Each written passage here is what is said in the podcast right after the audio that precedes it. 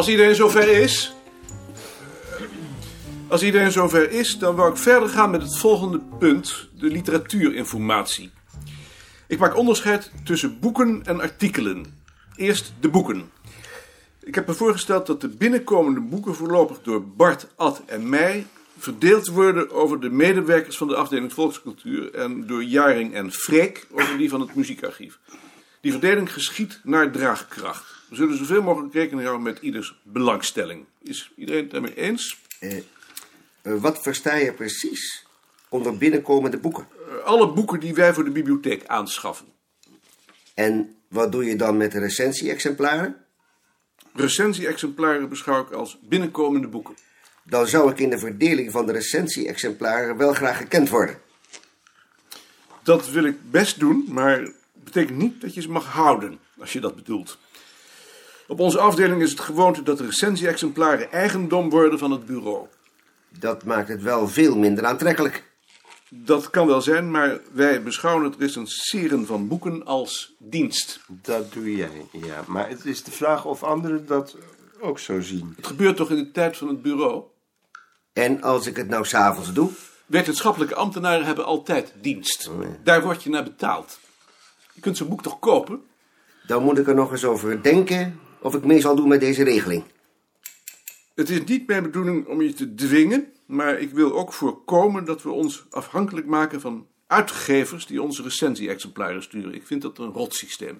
Dat heb je toch zelf in de hand? Wie is het met Mark eens? Ik ben het met jou eens. Ja. Dan stel ik voor dat we het zo regelen. En over een tijdje nog eens kijken of er redenen zijn om het te versoepelen. Hm.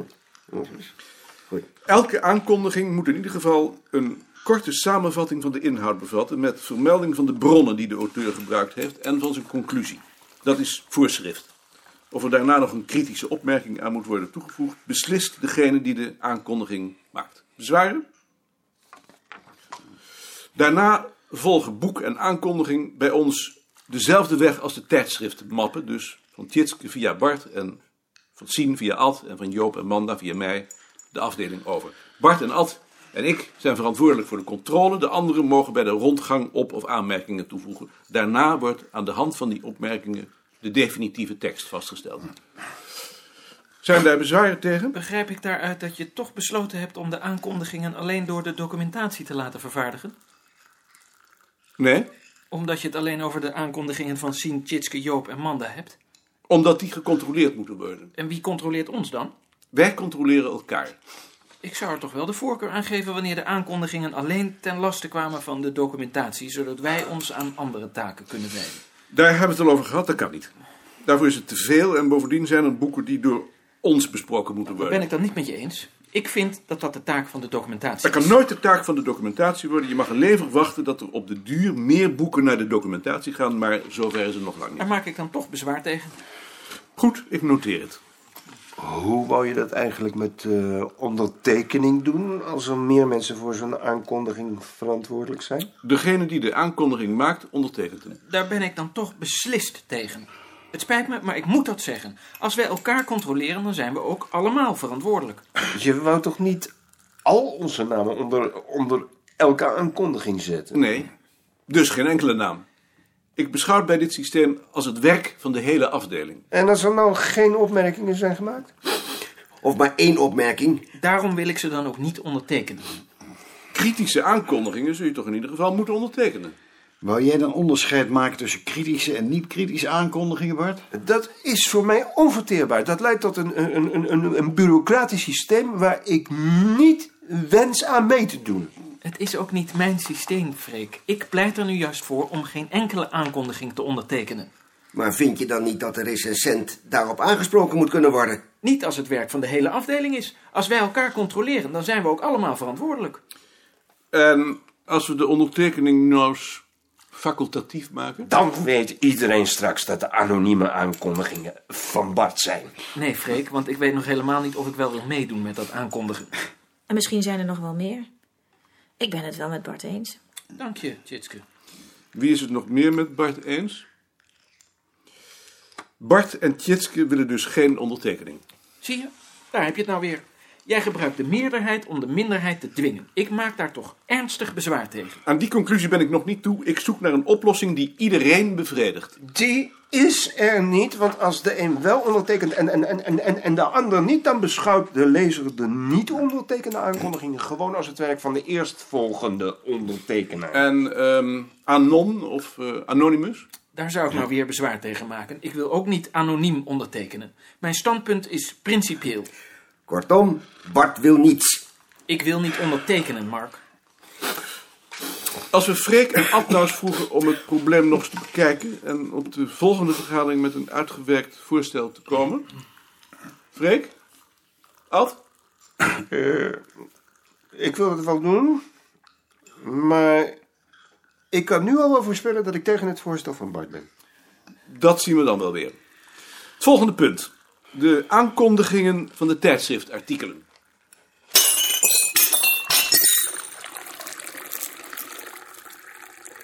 Ik voel me alsof ik een kruiwagen vol keien tegen een berg heb moeten oprijden. Wat doe ik verkeerd? Je laat ons te veel ruimte. Je moet gewoon beslissen. Zonder discussie, dan zijn wij ook gauw klaar. Ik ga maar weer eens naar huis. Ik ben afgeknapt. Moet ik je ziek melden? Ik denk dat ik er morgen wel weer ben. Goed.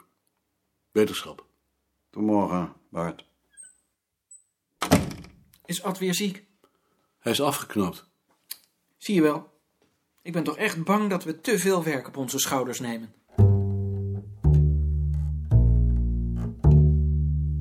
Dag Sien. Als jij nog één keer mijn artikelen door een van mijn collega's laat beoordelen, dan neem ik mijn ontslag. Ik neem dat niet.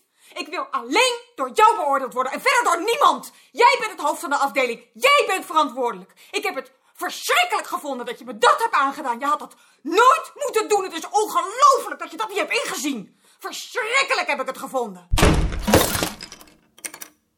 Is er wat met Sien?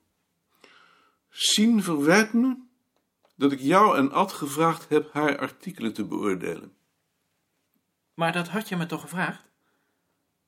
Heb jij gisterenmiddag nog met haar gepraat? Omdat jij me dat gevraagd had. Hoe ging dat? Ik weet niet beter of dat ging in de beste verstandhouding. Ze verwijt het jou ook niet. Ze verwijt het mij. Ze vindt dat dat alleen door het hoofd van de afdeling mag gebeuren. Ik wou dat ik er zeker van kon zijn dat mijn artikelen zo kritisch bekeken werden. Welke artikelen bedoel je? Misschien dat ik dan niet zo'n angst had om ze te schrijven. Je kunt ervan op aan dat alles wat je schrijft kritisch beoordeeld wordt. Ik ben zo vrij daarover mijn twijfels te hebben. Dat is dan ten onrecht. Dag Maarten, dag Bart. Dag Ad. Hebben jullie tijd om samen de nieuwe boeken te bekijken, op aankondigen? Nu meteen? Ja, nu? Ik wil wel mee discussiëren, maar ik heb besloten om niet mee te doen. Ik zal mijn bijdrage op een andere wijze leveren. Wat moet ik me daarbij voorstellen? Dat zul je wel zien. Is dat omdat wij vinden dat ze ondertekend moeten worden, Bart? Dat ook, ja. Dan zullen we jouw portie over Ad en mij verdelen. Als Ad daar geen bezwaar tegen heeft, tenminste. Dat spijt me dan, maar van mij hoeven jullie dat echt niet te doen. Ik sta op het standpunt dat dat het werk van de dames is. Die kunnen dat nog niet. Die moeten er nog in groeien. Ze hoeven er niet in te groeien. Ze kunnen het, want ze hebben het op school geleerd. Goed. Ik moet al maar aan die arme Anton denken. Hoe gaat het er nou mee? Ik ben bij hem op bezoek geweest. En, Heeft het hele bezoekuur liggen huilen. nou, dan was ik maar wat eerder weggegaan. Daar heb je nou helemaal niks aan. Koffie? Karnemelk? Eh, dit keer maar karnemelk. Ravelli heeft mij namelijk gevraagd of wij het bezoek op dinsdag voor onze rekening willen nemen.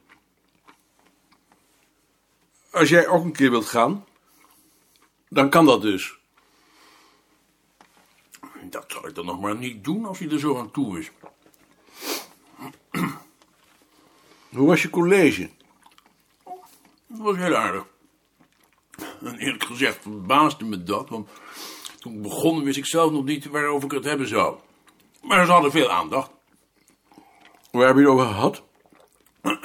Eigenlijk over van alles.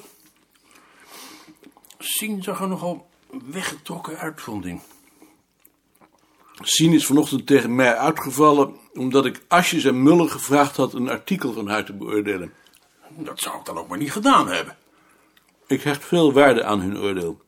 Nou, ik moet er niet aan denken dat die twee gefrustreerde lieden een stuk van mij zouden gaan zitten beoordelen. Laatst had ik zoiets met mijn uitgever. Ik had hem het laatste hoofdstuk van mijn boek over de waaierpoppen gestuurd. En dat kreeg ik terug met allerlei opmerkingen in de kantlijn. Ik heb er drie nachten niet van kunnen slapen.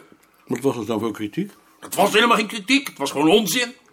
Ik bedoel, was het kritiek op de inhoud, op de stijl of op de taal? Je denkt toch zeker niet dat ik die onzin ga zitten lezen? Ik heb wel wat anders te doen. Die man is er niet om een manuscripten te beoordelen, die is er om ze uit te geven. En daar heeft hij zich toe te beperken. Nou, weet je wat ik dan tegen hem zeg als ik wakker lig? Dan zeg ik... Zo, en zal ik nu eens zeggen wat je vandaag gedaan hebt? Je hebt je best gedaan. Je hebt mijn pen vastgehouden. Je hebt toegekeken terwijl ik zat te schrijven. Na tien minuten slaapt mijn uitgever. Tegelijk erger je je dat je je ergert. Ik ken dat. Alleen niet met uitgevers. Nou, dan mag je jezelf gelukkig prijzen. Ik ken weinig mensen die zo mijn zenuwen werken als uitgevers. Je kunt dat maar het beste zelf doen. Ga jij soms naar de markt? Dat was ik wel van plan. Dan ga ik zover met je mee.